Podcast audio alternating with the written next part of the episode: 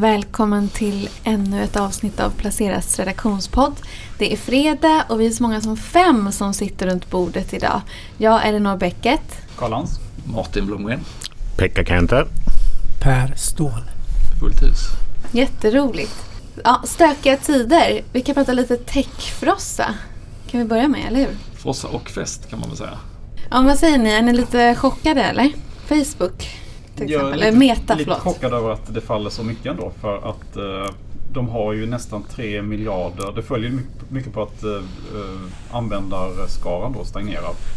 Men de har ju nästan 3 miljarder användare på jorden. Eh, och det är ju svårt att växa så mycket mer då. Man har eh, nästan halva jordens befolkning. Men sen är det ju mycket då att eh, Apples nya privacy-skydd då gör ju så att de tappar ungefär 10 miljarder dollar per år har de sagt. Och det är mycket större skada än man trodde innan. Eh, så det var ju väldigt negativt. Men eh, kursreaktionen är ju ändå helt eh, enorm. Man säga. Och sen att de nämner på presskonferensen där var väldigt uttalat att TikTok tar användare från dem. Och att de själva inte riktigt är, är lika med på den typen av sociala medier. Så att det är ju ändå ett trendskifte. Både att de då inte för första gången någonsin väl inte ökar antalet användare utan minskar. Och att man kanske så tydligt pekar ut ändå en, en konkurrent som, som äter upp deras lunch. Så att, eh, och värderingen är väl inte jätte, jättehög längre. Men det är klart att ett tillväxtvärderat bolag som inte växer längre, då händer det grejer med kursen. Och sen är det också stora investeringar då i, i Meta. Men ändå, vad, vad blir domen då? Överdrivet reaktion eller? Ja, det är överdrivet. Eh, den borde kanske varit eh, ner 5-10% max, ska jag säga.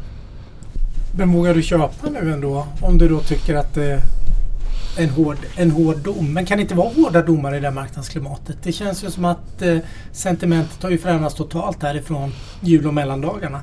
Jo, det, man har ju tagit av sig silkesvantarna kan man säga. Och, eh, eller man har tagit av boxhandskarna och kör med knytnävarna nu direkt. Ja, men jag tänker på en annan sak. Lite som Martin var inne på. Det finns de som levererar mycket, mycket bättre. Och eh, har man tagit av sig silkesvantarna och känner att ja men vad sjutton, vad händer nu med inflationen, vad händer med ränteuppgången och inte minst QE som många är jätterädda för. Nej men då kanske man säljer Facebook och köper, jag tänker Alphabet kom ju med en, en strålande Ja. rapport då. Och Amazon efter stängningen igår och Google. Och de tre har ju gemensamt att de har moln, att de är de tre stora på molntjänster som växte med, jag tror 40 procent Eh, i alla de här tre fallen. Eh, och det är ju något som Facebook saknar då, om man ska jämföra de här tech-giganterna. Så att eh, de har ett trumfkort som inte Facebook har. Så att, även om det är en enorm reaktion så jag skulle inte våga gå in och köpa. Jag tycker det är lite uh, otäckt där med att användartillväxten stannar av. Och att det kommer kanske ta en stund innan man hittar då en ny värderingsnivå där ett bolag som inte växer som det har gjort tidigare ska, ska ligga. Så att lite försiktighet skulle jag säga. Men Pekka, jag, jag tänker så här att eh, volatilitet, det ser vi ju inte minst på Meta nu och kanske på Amazon igår att det är ju Snap. och Snap, det är ju extremt stor, eh, stora rörelser. Alltså det är extrem volatilitet i många enskilda innehav. Vi har senast Adlife idag på morgonen på Stockholmsbörsen som är ner 20% Vad tycker du, är, är volatiliteten tillbaka? Och det är den väl kanske, men känner du att den kommer att komma ändå mer nu med tanke på inflationsförväntningarna stiger, du har QE, vi har pratat om allt det här som stökar till och man vet att inflationsförväntningar brukar driva volatilitet även på börserna och så. Hur känner du? Är, den här för att stanna? Får vi de här stora reaktionerna? Jag menar, jag tror det absolut på kort sikt att det eh, blir lite jobbigare på börsen. Eh, och sen är det ju det att eh, jag kanske inte tror heller på den här fantastiska uppstudsen som vi har sett i tid, efter tidigare nedgångar. Helt enkelt att marknaden måste ställa in sig på högre inflation, högre räntor och eh, inflationsförväntningarna stiger. Då. Mm. Så visst, eh, högre volatilitet rent generellt. Ja, jag tyckte, ja det, var ju, det var ju två intressanta. Jag tycker faktiskt Bank of England faktiskt var egentligen ett intressantare besked. De höjde räntan med eh, 25 punkter, 0,25 procentenheter. Det var fyra stycken som ville ha en ännu större höjning. Och man avslutade, eller man började banta sin, börjar nu banta sin obligationsportfölj genom att inte återinvestera förfallen. Liksom. Det är inte så där jättemycket men det är i alla fall en tydlig signal om att Nu är det åtstramningar som gäller från Bank of England. Sen kom ju ECB, ett betydligt mjukare besked. Man höjde inte räntan. Eh, man flaggade för att man fortsätter att köpa obligationer, i alla fall det här året. Så själva pressmeddelandet var ju ganska mjukt. Men sen började det storma under presskonferensen som Christine Lagarde hade. Hon var väldigt otydlig när det gällde inflationen varför och hur den ska gå ner. Eh, det var ju rekordhög inflation även i EMU-området nu i januari. Och sen eh, ville hon ju inte lova att räntan skulle ligga kvar på noll under hela det här året. Vilket man har varit väldigt tydliga med vid tidigare presskonferenser. Eller vid tidigare besked. Så att det eh, är inte klart att marknaden blev nervös. När ytterligare en centralbank börjar så smått att glida mot ett eh, åtstramningsmod. Liksom. Jag, jag, tänker på ECB är ju en stor centralbank men det finns ju små, jag tänker Bundesbank, de hatar inflation över allt annat, tyskarna. Hur stor påverkan har de tror jag, liksom, för det kan jag tänka mig att det mullas i korridorerna. Och, och de här, var det 5,1 procent som inflationen var i januari nu ja, i EMU-området. Mm. Det, det, måste ju få allt att lysa rött där. Hos dem ja. ja eh. vad, hur stor påverkan har de tror jag? Hur mycket liksom intern lobbying är det nu tror du på ECB? Är, är... Men Bundesbank har hela tiden varit emot eh, de här extrema stimulanserna. Och den förra Bundesbankchefen kallades ju Dr. No av Mario Draghi. Eh, nu har det kommit mjukare chef liksom. Eh, men Bundesbank, ja, lite lätt panik när man tittar på tillbaks eh, på, på sin historia och sådär. Så visst kommer man att trycka på för att det måste till en åtstramning. Definitivt. Men sen är det ju som sagt och det är väldigt många centralbankschefer som ska komma överens om ett besked. Och I Sydeuropa och så här så kommer man ju hålla emot. Man vill inte se någon räntehöjning just nu. Men, men marknaden då, om man, med, med ECB där, var det liksom själva otydligheten man inte gillade eller var det att det var mer hökaktigt eller var det en kombination? Eh, otydligheten skulle jag säga att var liksom huvudskälet. Och Christine Lagarde har inte riktigt blivit så här varm i kläderna. Inte samma självsäkra attityd som till exempel Mario Draghi. Det var ingen tvekan om vem som var den smartaste i rummet när han hade, höll presskonferenser. Hon är mer osäker, inte riktigt varm i kläderna. Och Eh, Eh, ja, då blir kommunikationen otydligare. Och då, då kan ju marknaden börja spekulera i nästan lite vad som helst. Och nu spekulerar man ju i en räntehöjning redan i år. För huvudfokus ligger på inflationen nu. Eh, så att eh, man kan, säga, man kan ju ta exemplet Bank of England som faktiskt höjer fast man har en arbetslöshetsprognos som pekar mot stigande arbetslöshet. Liksom. Så att det är ett, också ett jätteskifte. Liksom. Och jag tror att Fed kommer att reagera ungefär på samma sätt. Nu kanske det blir en minussiffra i, i eftermiddag. Men i, nu skylla, kommer man ju skylla på omikron då. Men, men eh, det är inflationen som är i fokus och inte makrosiffrorna i övrigt. Så eftermiddagens arbetslöshetssiffra det är liksom blaha? Nej men det är aldrig blaha. Liksom. Det, det, kallas ju världens viktigaste eh, makrosiffra liksom, och det är det väl. Eh, men, eh, men, men i och med att siffran kommer att störas av omikron eh, och nya restriktioner och sådär så, så kommer, man, kommer det vara svårt att tolka om det betyder liksom en början på en konjunkturnedgång eller liksom om det bara är en tillfällig dipp. Och mycket talar för att det i så fall är en tillfällig dipp. Och vad blir då nästa inflationssiffra som du fokuserar på? Vad blir nästa liksom dom över marknaden? Ja men det är januari och februarisiffrorna som kommer i mitten på februari. Så jag tror det är 10 mars. Och det, de hinner ju komma innan Federal Reserves nästa möte. Och som Powell uttryckte det, vi, vi tittar på inkommande data, vi gör inga liksom, eh, eller klart de gör prognoser men, men man ska inte reagera efter vad man tror om långt in i framtiden utan det är utfallen som kommer att styra.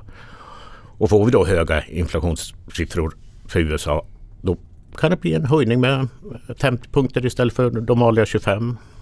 Det kan bli lite surt för börsen. Det är många centralbanker som numera är överens om att inflationsbekämpningen är i, i, för, i förgrunden. Liksom. Så, så, det är ju likheten. Men däremot de ekonomiska förhållandena och inflationen i sig är ju helt olika. Förlåt, jag bara en tanke som kom.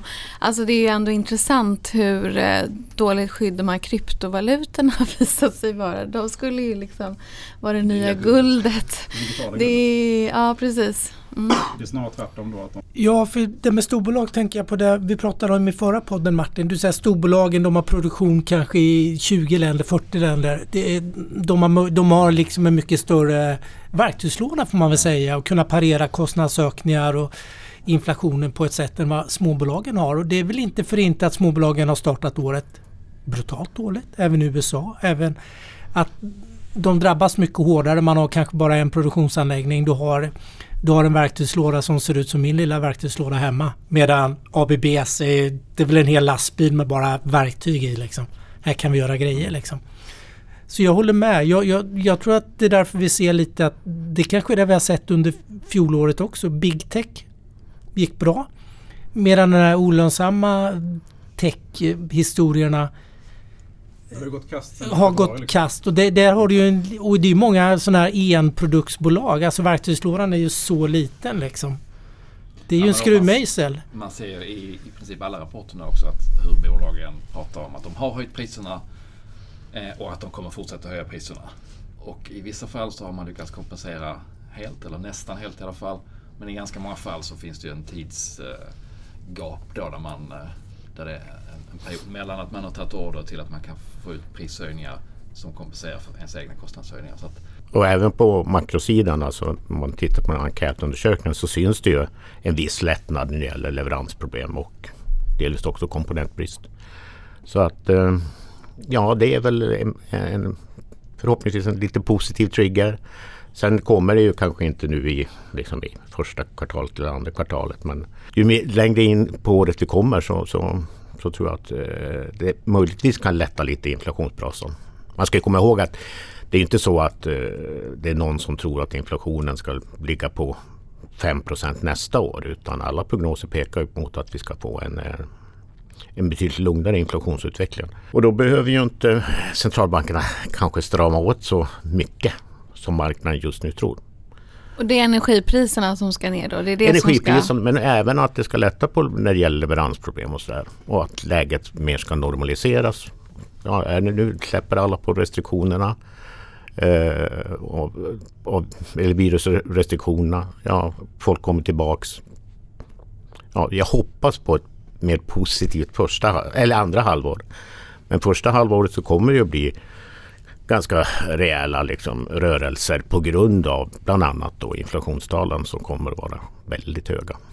Och det där konjunkturspöket då som liksom lurar lite bakom ett hörn där i bakgrunden. Hur ska man tänka kring det då? Vi pratade lite om det förra veckan.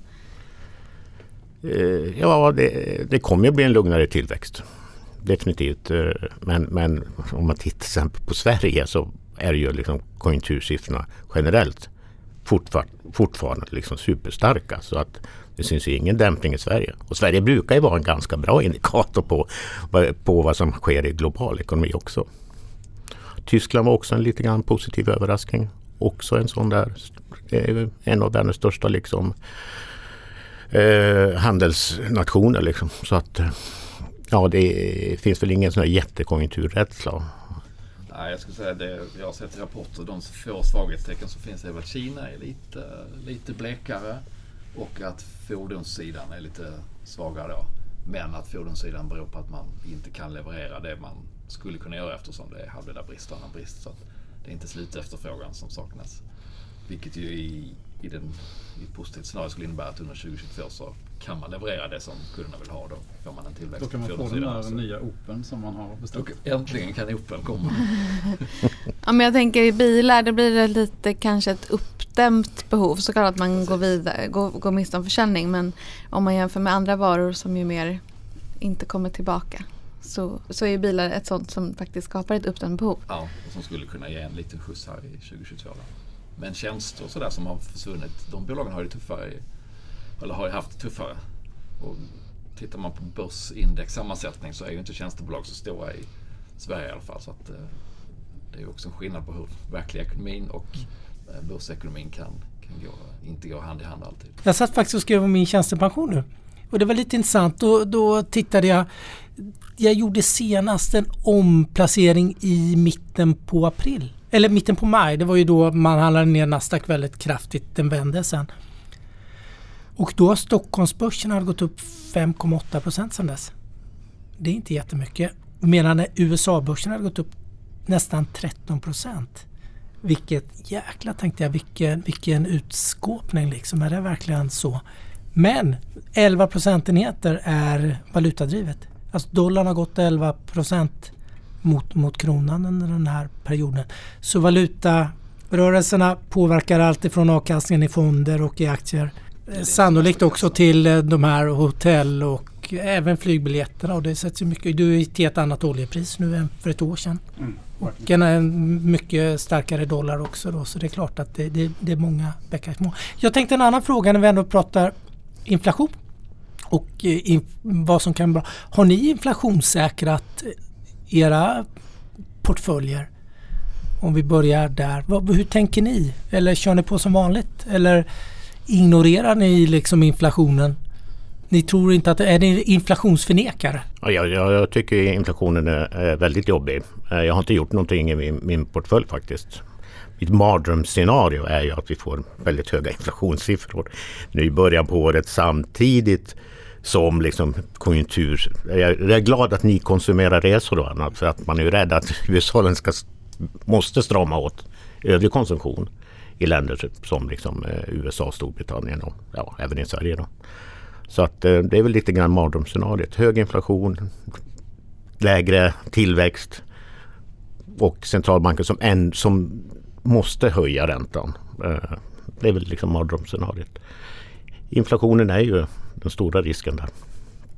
Men jag vet inte, hur, hur, jag vet inte riktigt hur man skulle ta hänsyn till, till det. Liksom. Eh, då får man väl lite grann hoppa av marknaden och sätta sig själv på paus.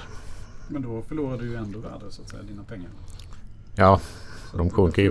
Ja, ja, det, madrassen är ju ett väldigt dåligt alternativ i inflationstider. För köpa skog eller en fastighet eller så.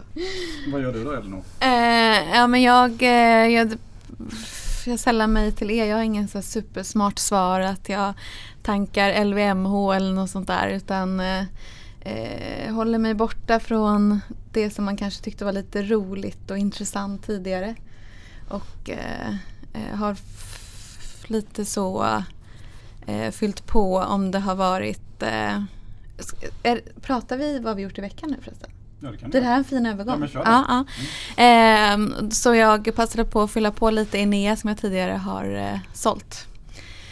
Eftersom att de hade en ganska dålig rapport eh, så då eh, passade jag på och lite vice versa i, i Assa då, tvärtom. De hade en väldigt bra rapport idag så då sålde jag lite. Det var ungefär så kul som jag har haft den senaste veckan. Per då? det är bara jag som har gjort massor då känner jag. För jag har ju... Jag har skalat ner mycket på de här serieförvärvarna som jag ägt väldigt länge. Jag har skalat ner ganska länge.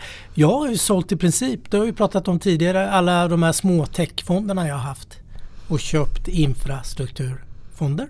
Och sen har jag ju köpt jag har ju varit inne och köpt ett oljebolag nu. Ett ryskt oljebolag. Gazprom, eller naturgasbolag stark, egentligen. Stark ägare det som gör ont för Europa blir bra för Gazprom och då tänkte jag men det kan man ju tjäna pengar på. Det, det borde EU, de borde slopa den här molntjänst-stora projektet. De borde köpa in sig i Gazprom så får man ju tillbaka lite av de här dyra. Så kan man också tänka, nej men jag köpte om, det är en inflationshedge. Jag tror att oljepriset kommer att gå kanske upp mot 100. Och framförallt de gillar över 20 procent nu. Så det är gjort köpt mer infrastrukturfonder, köpt... Eh, det finns ingen risk i det liksom? Ja, det är klart att det finns risk i allt men eh, så har jag tänkt lite att om den här inflationen här och jag håller med Pekka. Jag tror att det finns två stora orosmoment som det kan pratas om. Det är QE, för QE tror jag kommer slå mycket, mycket hårdare på, på många QT på, som man vill säga. QT, när det blir det. Det tror jag kommer slå mycket på de här små det har sipprat ut på private equity och allt det här. Smolönsamma bolag, det kommer bli andra värderingar där. Och sen tror jag, får vi in dåliga ISM-siffror och det här. att de kommer under förväntningarna och börjar harva under 50-strecket. Det tror jag kommer stöka till det jättemycket. Att man får lite signaler på att konjunkturen kanske börjar vika lite inom vissa delar. Vi får väl se. Pekka, vi tittar på dig. Ja, nej, jag, jag trodde jag redan hade besvarat frågan. Nej men alltså jag har inte gjort någonting. Eh, Jag sitter kvar med mina och är glad att jag har Tele2 och Telia och Lufthansa. Eh, nej, eh, jag kommer väl... Jag är ju för sig tämligen fullinvesterad trots allt. Men eh, jag kommer tänka defensivt de här kommande månaderna. Definitivt. Lufthansa är ju upp 11 procent i år. Ja, det är... Jag har, ja, ja, nja, nu har det ju gått lite sämre då. Det är mycket som har gått dåligt eh, så att även en del av mina aktier har ju sjunkit i värde. Jag har eh, skalat ner lite, sålt i lite av de här hög, högvärderingsbolagen. Så jag har sålt Storytel. Eh, jag har sålt Sinch. Eh, inte några bra affärer men de studsar ju upp lite här efter eh, stora nedgången på tech. Så var upp lite i veckan. Så de har jag sålt. Eh, det känns som att det är rätt så negativt tolkningsföreträde. Så skulle det komma lite som inte är som åtminstone inte är bättre än väntat för de här så kan de nog också få en smäll. Så att, eh, det tänker jag att jag inte ska vara med på om det blir så. Men du, Storytel måste ju ha varit en riktig sjunkbomb i portföljen. Eller? Ja, du, jag kom, har du lyckats ja, den bra? Jag bara gick in undrar. ganska sent i höstas. eh, på lite hopp om att Spotify skulle lägga ett bud på dem. Men nu verkar de ha lite annat att tänka på så att eh, jag hoppar av den. Ja, den är back men det är inte någon eh, Det är inte som man kan förvänta sig. Eller nej, om man bara... Nej. ensiffrig förlust. Ja. Väl tradat då. I, Ja. Vad ska man säga? Damage control. Eh, och sen så har jag ökat lite i Electrolux. Och sen har jag faktiskt petat in lite mer i Buresbacken. Vilket ju är ett eh, alternativ till kassa som jag ser det med lite optioner på att de gör något och kanske får, eh, kan dra nytta av det här eh, prisfallet. Att bolag som de vill köpa kanske har lite mer nyktra förväntningar på vad de kan få betalt om de går upp i spackarna. Nej men jag tänkte vi pratade lite om det här. Jag tror det kommer ju inte komma ut så mycket mer spackar nu sannolikt. Börsintroduktionerna har ju verkligen bara inte, det är väl många som vill ut men det, det kommer ju inget ut för det är inte det klimatet. Jag såg Wall Street Journal hade gjort en liten snabb enkät eller de hade pratat med ett antal private equity-firmor då. Hur, hur, hur det ser ut med de köpen de vill göra och de sa ju att det hade minst blivit 10% billigare på onoterat bara som någon generellt och det blir sannolikt ännu billigare då. Vilket talar för spackarna. Vi har varit inne på det lite innan då att det kanske är bra för spackarna. Det är färre bolag som kan gå till börsen den vanliga vägen och eh, det, blir, det är sannolikt en annan eh, prislapp idag och om det här fortsätter den här volatila marknaden då så kan det eh, tala lite för att vi får se något med, med spackarna. Ja, nedsidan är ganska begränsad. De ligger kring 100 kronor vilket är liksom, eh, parvärdet. Så att händer ingenting så ska de ligga där kring 100 och gör de någonting så är det förhoppningsvis någonting bra. Det är ju ett tips till Pekka då som gillar defensivt och lite sådär. Köp en spack som inte har gjort något. De halv, va? Ja, jo, kanske det. Jag ska titta på det.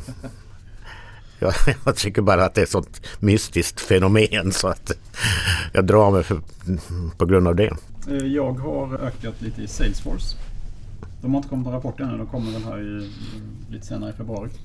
Men det är väl en av de eh, sista större sådana här molnbolagen då. Som jag eh, tycker kan vara intressant. Som en rapportspäck kan man säga. Men även som ett långsiktigt innehav då. Har jag, det. Eh, jag har ökat i Unity. Som hade rapport igår. Som var jättebra. De har i princip alltid slagit och så länge de har varit noterade. Hon den hade backat väldigt kraftigt inför det. Eh, sen har jag gjort eh, små, små köp i eh, några av de här riktigt utbombade IPO-erna som var i förra i höstas. Då, som eh, Rent the Runway som är då ledande på att eh, uthyrning av eh, modekläder. Eh, den kom väl in på typ 18 dollar och sånt där eh, i höstas. Och nu kan man plocka upp den för 5 dollar. Eh, och det här är inte ointressant eh, på lite längre sikt eh, för att det är en form av digitalisering av modebranschen. Då. Modebolag då har ju väldigt svårt att veta hur deras kläder används. Men det här är då ett sätt att, att lite grann få statistik över hur kläderna används faktiskt. Om det då slår igenom det här så är de ledande på, i den här sektorn i USA och kommer sannolikt bli det globalt också då om de, om de överlever helt enkelt. Men kan de sälja tjänsten, eh, alltså att eh, informationen som de Exakt, får till, exakt. till modebolagen? Ja, Alltså. de har ju då massa tusentals designers och sådär, som, eh, eller modehus som då eh, använder dem. Och då är det en prenumerationstjänst där, så du betalar då ett par hundra dollar i månaden. Så får du använda tio plagg eller något sånt där. Och sen kan du ju såklart också köpa, och, och så länge du betalar de här månadsavgiften så kan du behålla plaggen. Eh, men du kan också såklart köpa dem då eh, och avsluta prenumerationen. Men det låter som en eh, pandemiöppnare eller vad man säger nu när det öppnar upp. Att det kommer inte bara att flygas mycket utan man kommer sannolikt att gå mycket mer på restaurang och det blir mycket mer Ja. event. Och företag event har ju varit noll i princip. Så Ja. det, det, det finns säkert ett öppen behov. Ja. Så initialt att, kan jag tänka mig att det kan vara Och, och, så- precis, det är ju därför den, det är delvis därför den har fallit så extra mycket då. Det är ju, det är ju Omicron då. Men eh, det finns ju också ett... ehm, eh, sen finns det också en hållbarhetsaspekt i det här också. Mm. Säga, som är ganska bra. Eh, Så man kan ju eh, ta den på det då. Men som sagt, den har ju eh, verkligen bombats ut den aktien. Sen köpte jag en som heter, ett bolag som heter User Testing. Som är, också har fallit väldigt mycket från IPO. Men som ändå är ganska intressant. Eh, för att eh, det är då att man kan, bolag kan testa sina hemsidor till exempel. Eller vad, vad som helst kan de testa på en väldigt stor målgrupp. Eh, I princip eh, omedelbart då. Inom några timmar kan du få svar på om det här funkar den här eh, hemsides, den här betaltjänsten som vi har just nu. Eh, och får det via video då. Så att eh, man, man spelar in då kunder när de testar liksom. Eh, och du får det omedelbart svar i princip. Så att det går väldigt, väldigt fort. Eh, och de är ledande i den här eh, sektorn. Så där köpte jag pyttelite också. Ska vi ta helg nu eller vad säger ni? Yes. Det gör vi. Jepp.